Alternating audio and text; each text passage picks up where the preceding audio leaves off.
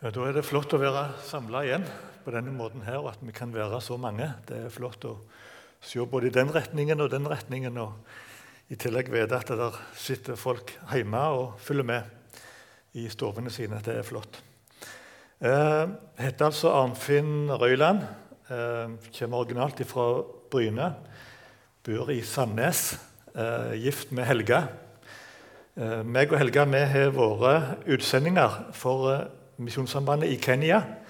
Eh, på kysten av Kenya, i Mombasa og sør for Mombasa. Fra 1990 og fram til 2008. Som har vært bytt 13 av de 18 åra har vi bodd i Kenya. Fire perioder. Jobba blant muslimske folkegrupper eh, hele, i alle de åra i Kenya.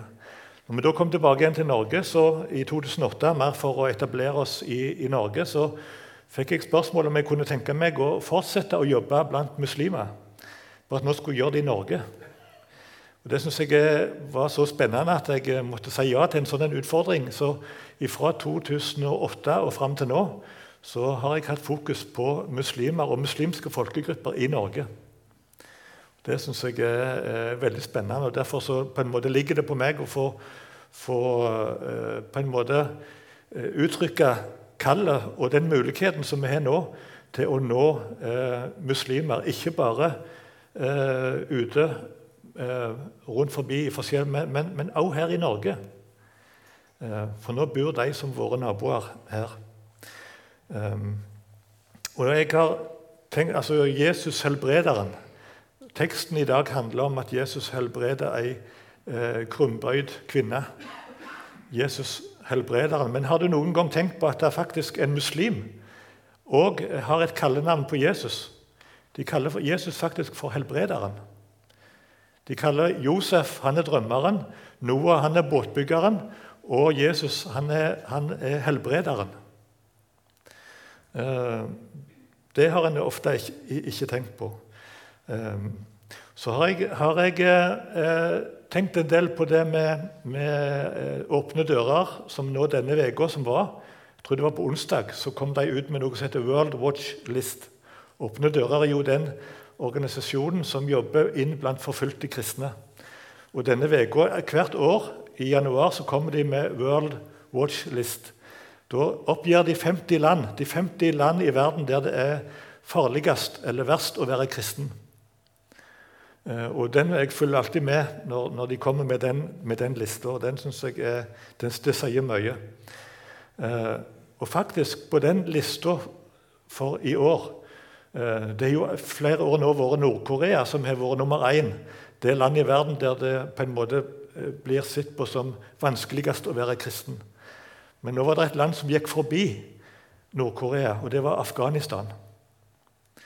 Og Har du tenkt på at det land i verden der det er vanskeligst å være kristen, der bor der nå over 20 000 i Norge ifra det landet. Over 20 000. Og nå er òg antallet stigende eh, av de som får opphold, som kommer fra Afghanistan, her i Norge. Det sier litt om den muligheten som vi har til å nå muslimer her i Norge. Eh, land som er nummer tre etter Nord-Korea, det er nummer tre. Det landet som er tre verst og vanskeligst å være kristen, blir regna det, det, er Somalia. Og Nå bor der 43 000, 43 000 fra Somalia i Norge. Det er en, det er en stor by og folk bare fra Somalia. Det er litt av en mulighet som vi har for å nå muslimer òg eh, her i Norge. Eh, så har jeg sett litt nedover på lista, for jeg er opptatt av eh, Afghanistan, Somalia. Eh, Pakistan er nummer eh, eller, nei, nummer åtte på den lista for i år. Iran er nummer ni, Irak er nummer 14 eller 13, og Syria er nummer 14, tror jeg. Sånn at eh, Somalia, Pakistan, Irak, Afghanistan, Iran, Syria Eh, har, eh, er alle innenfor topp 15 på denne lista. Og, og uh, har mange, altså over 150 000 fra disse land bor nå i Norge. Og Norge har 200 000 muslimer. Men det som ofte tenker på når vi tenker på det, at det bor så mange muslimer i Norge, er at det, eh, folk som vi kan kalle for våre nye landsmenn, teller nesten én million. Og over 50% over halvparten av de har kristen bakgrunn. Så det er en tredjedel eller en fjerdedel som har muslimsk bakgrunn. Men allikevel så er det mange som er muslimer som bor i Norge, og vi har en fantastisk mulighet for å nå dem med evangeliet. Så jeg lurer på om Gud har en plan med at han nå har sendt over 20 000 fra det landet som er der det blir regna som verst å være kristen, her til landet eh, for å være våre naboer. Hva tenker en muslim om Jesus? Det har jeg måttet tenke på lenge. Nå har jeg jo jobba mange år inn mot muslimske folkegrupper og muslimer. Men hva tenker en muslim om Jesus? For En muslim tenker at Jesus er født av jomfru Maria, så de tror på jomfrufødselen. Eh, det er mange kristne også som på en måte sår tvil om, men en muslim tror på jomfrufødsel. Og En muslim tenker at Jesus gjorde mange under. og Det første under eh, som han gjorde ifølge islam, var at han, eh, at han eh, trøsta mor si under, under fødselssmertene. Når Maria ligger under ei palme og skal føde, føde Jesus, så trøster eh, Jesus Han snakker som nyfødt og trøstende i sine fødselssmerter. Og Jesus blir kalt for helbrederen eller undergjøreren, som vi så. Og så eh, sier de òg at det største under det er at han unngikk korsdøden. At han ikke ble hengt opp på korset. Men de sier at hans ansikt, ansiktet til Jesus ble byttet over til en annen person. Og det var en annen person som døde på, på korset. Det var ikke Jesus. For Allah kan ikke godta at en av hans store profeter dør en nedverdigende død på et kors. Så Derfor tok Allah Jesus opp til seg, og han lever i dag og skal komme igjen. Så tenk at En muslim tenker at Jesus er født av jomfru Maria. Han er helbrederen, han gjør masse under. Han lever i dag, og han skal komme igjen. Det er ganske utrolig. Men hva hvorfor driver vi da misjon for å nå muslimer? Jo, Vi kan si det sånn på en enkel måte at Jesu underfulle inngang på jord det er at de tror på jomfrufødselen, og, og dette, men det åpner ikke for at de tror at Jesus er Gud, at han er Guds sønn. Han er ingen Gud, han er kun et vanlig menneske. Og Jesu underfulle utgang på jord, at Allah tok han opp til seg, og at han ikke døde på korset, det åpner dermed ikke for at han er frelser. Han er ikke død på korset for våre synder. Eh, så han er verken Gud eller frelser. Hva har, de, hva har han da igjen? Han er kun et, en profet, et, et, et, menneske. Han er ingen Gud. Derfor må vi jobbe. Og når det nå bor 200 000 muslimer her i Norge, så må vi, må vi se det som vår oppgave. At vi, vi får på forskjellige måter eh, fortelle disse om Jesus, hvem han er. Og Nå er det fjerde søndag i åpenbaringstida i dag. Det er fjerde søndag i åpenbaringstida. Og gjennom åpenbaringstida, så på en måte Gjennom julen så har vi jo sett på Han som kom. Og så I åpenbaringstida, søndagene etterpå disse søndagene her, så ser vi hvem, hvem er han som kom. Hvem er denne Jesus? Og I dag i teksten så møter man som uh, helbrederen. Men, men, ikke bare helbrederen, men vi møter han som Gud, som Guds sønn. Der han i kraft av at han er Gud, kan helbrede. Han er Gud. Um, jeg vil bare uh, gi et lite inntrykk fra Kenya. Vi, vi kom jo tilbake igjen fra Kenya i 2008. Men vi prøver for hvert gjerne tredje eller fjerde år så prøver vi å reise tilbake igjen og tar ferien vår ute i Kenya. Og, og uh, Som misjonær, altså misjonærliv blant muslimer på Kenyakysten, uh, hva er det? Hva innebar det? Uh, det innebar å gjøre det som kona mi Helga her gjør, og å gå. Å gå. Vi gikk. Vi sleit sko. Ehm, jeg vet ikke hvor mange sandaler jeg har slitt på disse stiene ute blant digofolket i, i, i Kenya, men vi gikk. Ehm, I Mombasa er det mye turister som ligger på strendene. og sånt, og de, de, er vant med å se på turistene og så se dem inni, inni disse turistbilene.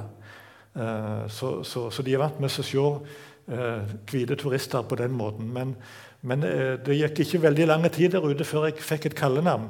Så begynte de å kalle meg for Julum Sungumanimigo. Og Julum Sungumanimigo det betyr 'han hvite med føtter'. Så, så uh, for det at Jeg hadde funnet fram til en plass som heter Kinango-nango. Og Der trodde de at ingen sånn som jeg kunne finne fram til den plassen. For Jeg ville lære naboene å kjenne, jeg ville gå på besøk, få besøk. Bruke heimen som en åpen heim for å nå muslimer. Uh, så dette brukte vi mye, tid på. Uh, og når vi da hadde gått ut på besøk, så eh, var det så varmt. Den kaldeste temperaturen vi hadde i løpet av disse åra som vi har bodd i disse fire periodene, er 19 varmegrader. Det var det kaldeste det ble i, tidlig på morgenen i, i regntida.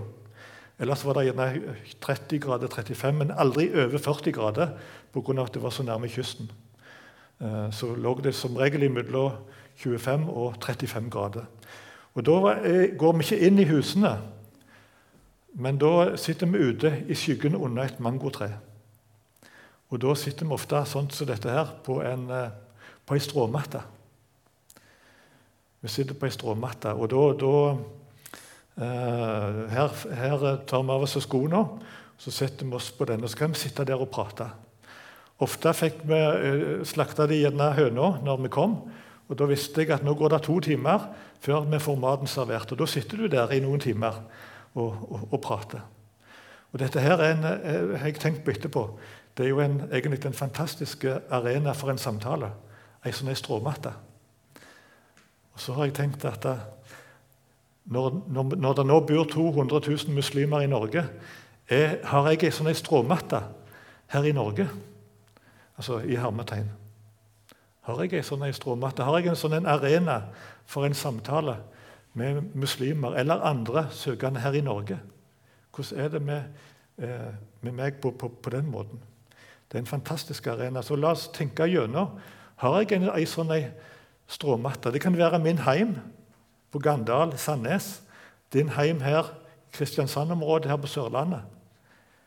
Eller hvor hen du bor. Det kan være eh, en kafé.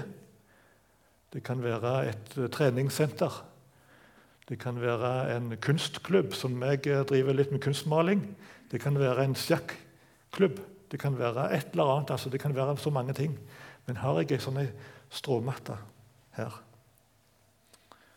Um, jeg syns det er litt flott. Jeg vil bare ta med denne her. for det at uh, Den første misjonær på Kenyakysten heter Einar Eng.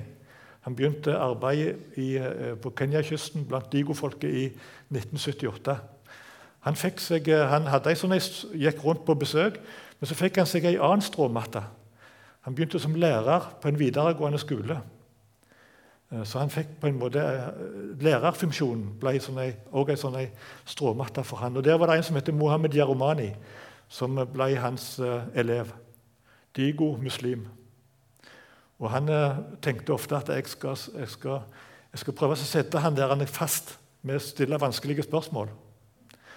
Og Så stilte han sånne spørsmål som dette. her. For en muslim tror, at, tror uh, ikke at Jesus er Gud. Så sier de uh, at han er Guds sønn. Hvis Gud har en sønn, hvem er da kona til Gud? spør han. Hvis Gud har en sønn, hvem er da kona til Gud? Og så kunne han, ja, hvordan kan dere tro på, de, på tre guder? Videre. Men måten han Einar Eng da gikk i møte med Mohammed Jaromani og, og møtte han og, tok han på alvor. Og, og, og det jeg senere, når jeg har, har snakket med Mohammed Jaromani han, han, kommer stadig tilbake igjen til det måten som han ble tatt imot. Og det førte til at han ble mer og mer interessert. Og til slutt så sier han som det står her, Jesus er forskjellen. Jesus viste seg foran, og, og han fikk Jesus åpenbart som både Gud og frelser i sitt liv. Nå er han eh, pastor i en menighet på Kenyakysten. og Sønnen har òg tatt teologiutdannelse og blitt pastor i en, i en annen menighet. og de, de, jobber for å nå digofolket med, med evangeliet. Så har jeg bare litt lyst, før vi går inn i, litt inn, inn i teksten for i dag For i dag så øh, øh, viser Jesus seg som helbrederen, men, men, men, han viser seg som Gud. Islams syn på, på, på Jesus, hva Koranen lærer om eh, Jesus som, som, Gud og, og treenigheten, eh, så sier da da skal jeg gå litt til sides for talerstolen, hvis dette er en talerstol. Så skal jeg gå litt til sides for den når jeg skal lese bare noen vers så vi forstår hva en muslim tenker om disse tingene her. Så, så, så sier eh, eh, en muslim eller Koranen at vantro er de som sier Gud er den tredje av tre. Så muslimer har misforstått totalt hvem Gud er. Eh, og Så sier han senere Gud, eh, ja, Messias, Jesus, Marias sønn, var bare et Guds sendebud, og hans ord som han inngav Maria, en ånd fra ham. Tro på Gud og hans sendebud og si ikke 'Gud er tre'. La det være til deres eget beste. Gud er én Gud, ære være ham. Og også Innenfor islam og i Koranen så benekter Jesus sjøl at han er Gud. Han benekter det. Og Det ser du her i dette verset i Sure 5, vers 116. En gang sier Gud, Jesus, Marias sønn, har du sagt til menneskene, ta meg og min mor til guder utenom Gud. Og han svarte, deg alene all ære, jeg ville ikke si noe som jeg ikke har rett til. Om jeg hadde sagt det, ville du visst det. Du kjenner det som er i meg, men jeg kjenner ikke det som er i deg. Her ser du at Jesus sjøl benekter at han er Guds sønn. Det er ikke underlig at det er mye, um, der er mye uh, åndskamp rundt det med å nå muslimer med dette budskapet om Jesus som Gud. For dette er basert på den misforståelsen om treenigheten i islam. At det er tre guder. Gud Faderen, Gud Moderen Maria og Gud Sønn Jesus. Det er de tre gudene som vi kristne tror på. Og Jesus ble født som et resultat av et forhold mellom Faderen og moderen Maria. Ikke rart at Mohammed benekta en sånn en idé. En total misforståelse av hva, hvem Gud er. Da går vi inn på, da leser vi det som er teksten. Jeg vil uh, ha hovedfokus på denne første delen i, i dag, der, der uh, Jesus helbreder ei kvinne på sabbaten. Skal vi reise oss? Vi kan reise oss, ja.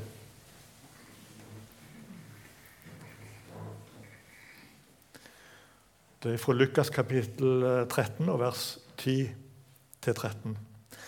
En sabbat underviste han i en av synagogene. Der var det en kvinne som hadde vært plaget av en sykdomsånd i 18 år. Hun var helt krumbøyd og kunne ikke rette seg opp. Da Jesus fikk se henne, kalte han henne til seg og sa, 'Kvinne, du er løst fra sykdommen din.' Han la hendene på henne, og straks rettet hun seg opp og lovpriste Gud.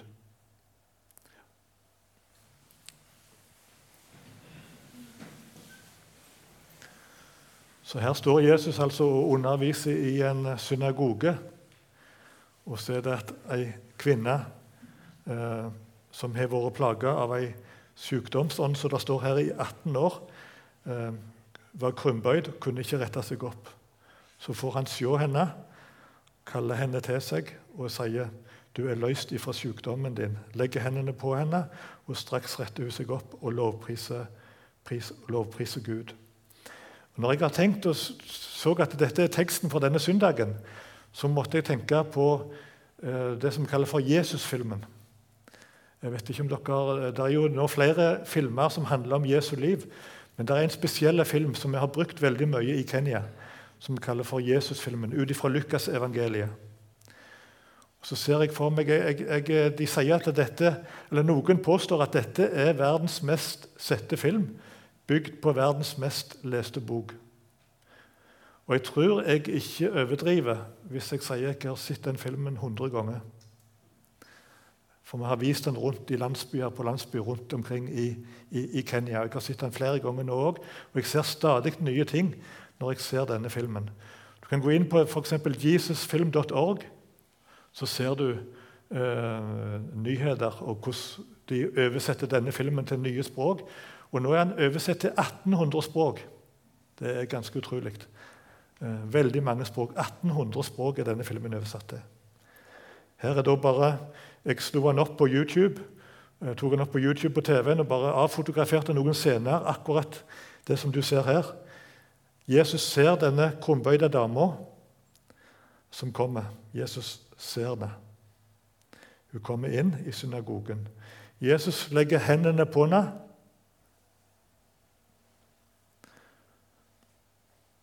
Jeg syns det er så flott skildra. Straks retter hun seg opp. Hun er overraska. Du ser det blikket i, i, i, inne. Hun har vært krumbøyd i 18 år. Straks retter hun seg opp og forstår at hun er frisk, og lovpriser Gud. Se det sånn her. Lovpriser Gud. Syns det er en flott skildring av denne scenen her. Ehm, noe av det første som jeg eh, legger merke til, og som jeg ser i, i, i dette, er det at Jesus ser. Jesus ser. Ehm, nå ser, nå, I denne filmen så kommer denne kvinna på sida liksom inn i, i, synagogen mens Jesus eh, underviser. Eh, Bibelen sier vel ikke noe om, om, hun kom inn, eller om hun så de iblant kvinnene, kanskje i salen nede, og at Jesus så henne der iblant de andre kvinnene. Eh, men Jesus så henne. Han så henne. Og, og så avbryter han undervisningen. Og så konsentrere seg om denne kvinna, denne ene. Og sånn er, er, Jesus. Han bryr seg om den ene. Han bryr seg om meg, han bryr seg om deg. Og Det tenker jeg også mange ganger. Han bryr seg om den ene. Og Det må vi også ha som perspektiv når vi jobber for å nå 200 000 muslimer i Norge. Han bryr seg om den fra Somalia eller den fra Afghanistan som bor i en eh, loftsleilighet eller en kjellerleilighet en plass i Nord-Norge, er ensomme. Han ser den ene som sitter der. Eh, han ser meg i, eh, her jeg står, han ser deg der du sitter. Han ser deg som er hjemme i stua. Og så har jeg tenkt på noen, noen plasser som jeg finner i, i fra første Mosebok, om Jesus som ser, eller om Gud som ser. Da tenker jeg på situasjonen med Hagar ute i ørkenen. Jeg vet ikke om du har, Når du har lest i første Mosebok kapittel 16, så finner vi jo historien om Abraham og Sara som ikke har fått barn. Og De har blitt lovt ei stor skal få masse etterkommere, men de har ikke fått barn. Og Så det Sara kommer med denne voldelige ideen at jeg har ei trellkvinne fra Egypt. Hvis du, Abraham, går inn til henne, så kanskje jeg får en sønn eller jeg får et barn ved henne. Og så går, eh, gir på en måte Sara eh, sin trellkvinne Hagar til kone for sin mann Abraham. Og så Når du, han går inn til henne, og hun blir med barn, så, begynner, så ser hun ned på Sara. Og Så begynner Sara å ydmyke eh, Hagar. Og Så får du denne konflikten som da fører til at Hagar fer ut i ørkenen. Rømmer ifra huskvinna si, Sara. Og Da er det en Herrens engel står der, som finner Hagar ute i ørkenen. Og Så forteller han at du, skal, du, er med barn, du skal føde en sønn som skal da hete Ismail. Hans navn skal være Ismail. Og Så står eh, så flott at Hagar blir faktisk den første personen som gir Gud et navn. Og Hun sier, 'Du er en Gud som ser meg'. Du er en Gud som ser meg. Eh, Hagar er den første personen som gir Gud et navn. Du er en Gud som ser meg. Det er eh, første Mosebok, kapittel 16, mot slutten av kapittelet. En Gud som ser. Jesus ser, Gud ser. Og Så kom jeg over dette verset òg i, i forhold til, til første Mosebok, kapittel 22. Når Abraham har fått i oppdrag å, å gå og ofre sin sønn, og så har dette skjedd at da, eh, når han skulle til å ta livet av sin sønn oppe på dette alteret, så gir, eh, stopper en Herrens engel Abraham. Og så er det en vær i et kjerr bak, og så går han og legger denne væren oppå alteret. Eh, og så eh, står, blir Isak tatt ned, og så står Isak og Abraham og ser denne væren bli, bli ofra. Så står det, litt underlig, syns jeg, så gir Abraham dette stedet der denne ofringen skjedde, et navn. Og det navnet er Herren ser. Herren ser. Abraham ga dette stedet et navn. Herren ser. Og dette stedet, hva er det dette stedet? Jo, dette stedet er faktisk den samme høyden, det samme fjellet, der senere Salomo bygde tempelet, og der eh, Jesus ble hengt opp på et kors. Det stedet der eh, Abraham ga dette navnet Herren ser. Han er den som har oversikten. Han ser, han har oversikten, han ser hele oversikten. Han, han visste hvilket berg han skulle, uh, denne ofringen skulle skje. Og Herren er også den som ser meg, og han ser deg, der vi er akkurat nå. Så tenker jeg uh, litt i forhold til det Jesus ser. Ser jeg? Hvem ser jeg? Det var ei som het Amal, som var flyktning fra et av disse landene som jeg har snakket om, som kom til Norge. Hette Amal. Hun skrev en bok for noen år siden om det å være flyktning og komme til Norge, og utfordringene i forhold til å komme til Norge. Så, så kalte hun denne boka 'Se oss'. Se oss, heter den boka. Se oss. Er jeg den som ser den som har kommet fra Afghanistan, fra Somalia, fra Iran, Irak, Pakistan, Syria. Eh, som nå gjerne kommer sitter ensomme. Tenk å være flyktning og komme på denne måten til Norge. Sitte ensomme. Og så er det ingen som ser deg.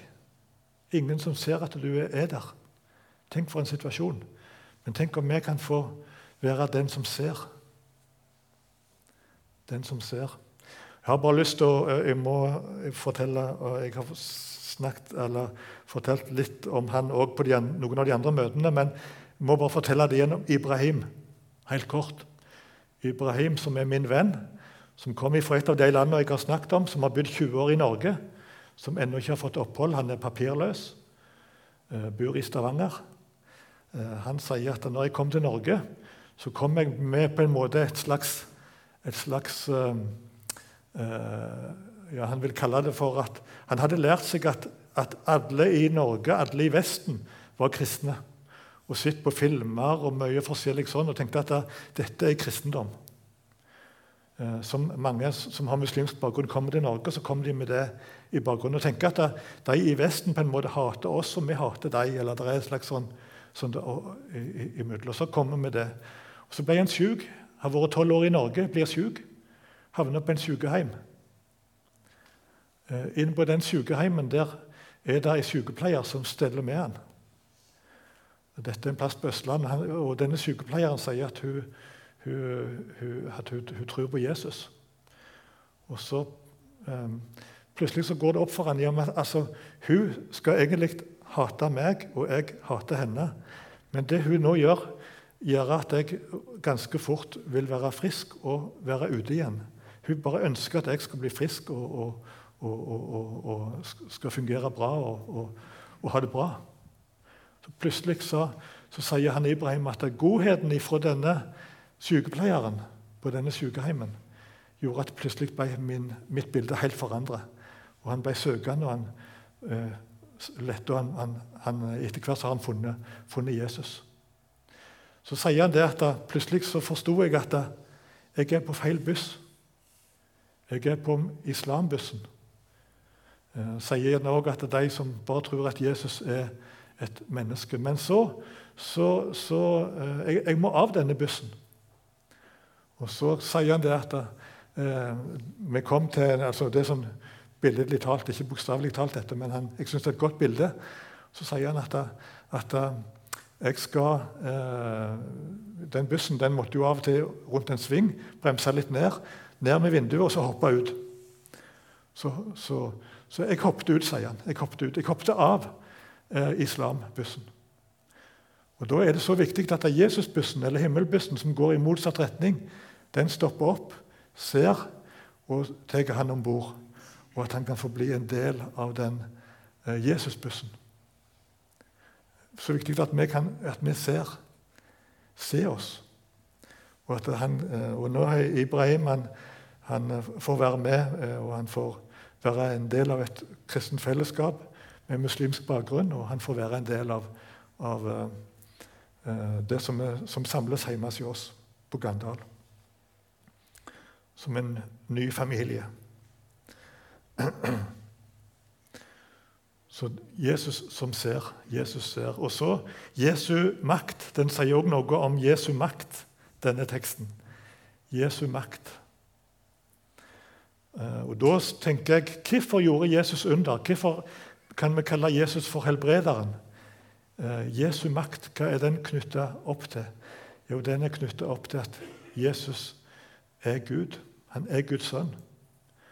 Da ser jeg for meg denne situasjonen som er på dette bildet bak meg her. Der, eh, I Johannes kapittel 11, der Jesus de har kommet fram til grava til, til Lasarus. Jesus han har flere ganger eh, blitt beskyldt av både Martha og Maria, som er søstrene til Lasarus, at hadde du vært her, så hadde ikke vår bror vært død. Um, hadde du vært her, så hadde vår bror vært i live. Men nå har han vært død i fire dager. Han har ligget inne i denne grava i, i, fire dager. Jesus har kommet fram til grava. Der står folk rundt. Eh, der står til og med et vers 'Jesus gråt'. står der. Så, så, sånn var denne situasjonen. Jesus gråt. Så sier han, 'Ta vekk steinen'. Ta steinen vekk. Nei, men Han har jo ligget der i fire dager. Han lukter jo. Men så står det så flott at Jesus han løfter blikket, han løfter blikket, og så ber han ei bønn. Og så sier han at eh, 'Jeg takker deg, far, for det at du hører meg.' 'Jeg vet at du alltid hører meg.' Eh, men dette sier jeg, altså det at de skal ta vekk steinen, dette sier jeg for folk går rundt. For folk går rundt, eh, de som er rundt her. For at de skal tro at du har sendt meg. Så han sier dette for folk går rundt, for at de skal tro at du har sendt meg. Og så har jeg senere tenkt på at Det er jo dette som er grunnen for at Jesus gjør under. Det er derfor han gjør dette underet. Eh, han, vil, han viser han er, hvem han er. At han har makt, at han har kraft. Men at han er Gud sjøl. Det er Gud sjøl. For at de skal tro at du har sendt meg, for at skal, de skal tro at jeg, jeg, er sendt av, av, av, Gud, at jeg er Gud, at jeg er Guds sønn. Så Det er dette vi ser i denne teksten. Um, at Jesus er Gud. At han ser, Gud ser, og at han er Gud. Og Helt mot slutten nå så skal vi bare se den siste delen av denne teksten, som går på fra vers 14. skal vi ja, vi bare sitter ned. Ja. Da står det sånn i, i fortsettelsen. Men synagogeforstanderen ble forarget fordi Jesus helbredet på sabbaten. Og han sa til forsamlingen det er seks dager til å arbeide på. Um, da kan dere komme og la dere helbrede, men ikke på sabbaten. Hyklere, svarte Herren, løser ikke hver eneste en av dere oksen eller eselet fra båsen også på sabbaten og leier dem ut så de får drikke? Men her er en Abrahams datter som Satan har holdt bundet i hele 18 år. Skulle ikke hun bli løst fra denne lenken på en sabbat? Da han sa dette, måtte de skamme seg, alle motstanderne hans. Men alle som var samlet, gledet seg over alt det underfulle han gjorde. Så her ser vi altså eh, disse, eh, det, det, som skjer når, når eh, Jesus gjør dette underet, denne helbredelsen, på en sabbat. Så så sier altså um, denne forstanderen um, det er seks dager til å arbeide på. Da kan dere komme og la dere helbrede, men ikke på sabbaten. For det var klare regler til det med, med sabbaten. Og, eh, hvis du tenker deg inn i en jødisk sammenheng på den tida, så, så, så, forstår vi hva sabbaten betydde. Det var veldig klare regler rundt de tingene der. Men eh, da ser vi her uh, Jesu reaksjon, og den er skarp den veldige reaksjonen, så, så, så sier han at eh, Hyklere løser ikke hver eneste en av dere oksen eller eselet fra båsen også på sabbaten og leier dem ut så de får drikke. Men her er en Abrahams datter som Satan har holdt bundet i hele 18 år. Skulle ikke hun bli løst fra denne lenka på en sabbat? Og Så ser folket inkonsekvensen i dette, og så ser de eh, Alle som var sammen, der står, Da han sa dette, måtte de skamme seg, alle motstanderne hans. Og så ser de inkonsekvensen og den manglende omsorgen bak disse reglene. Så det er òg litt for oss i dag. Eh, Jesus og hviledagen, den er skapt. Den er til eh, for, for meg og deg. Til og med Gud hvilte på den sjuende dag. Vi skal ha en dag, men, men det skal ikke være knytta sånn, sånn, sånne regler. Men, men, vi skal ha en, en, en hviledag. Uh, men det er òg en gledesdag, og her ble denne sabbatsdagen det ble en gledesdag der denne kvinna ble løst fra sin, sin sykdom. Så skal vi be sammen. Takk, Jesus, for denne dagen her. Takk for det at vi kan få komme sammen igjen på denne måten her. Takk, Jesus, for uh, denne teksten om denne krumbøyde kvinna som uh, ble løst, som ble helbredet, som fikk et helt nytt liv. Og Jesus, takk for det at du er helbrederen. Du er Gud. Du viser her at, hvem du er, Jesus. Du viser at du er Guds sønn, at du er Gud. Så ber vi om at dette må bli stort for oss som er her inne. Både det at du er Gud, og du er også Gud som ser. Du er Gud som ser eh, du, ser, du ser den store eh, sammenhengen, og du ser den enkelte av oss som er samla her. Eh, vi ber om at det må bli stort igjen for oss nå. Vi ber i ditt navn, Jesus. Amen.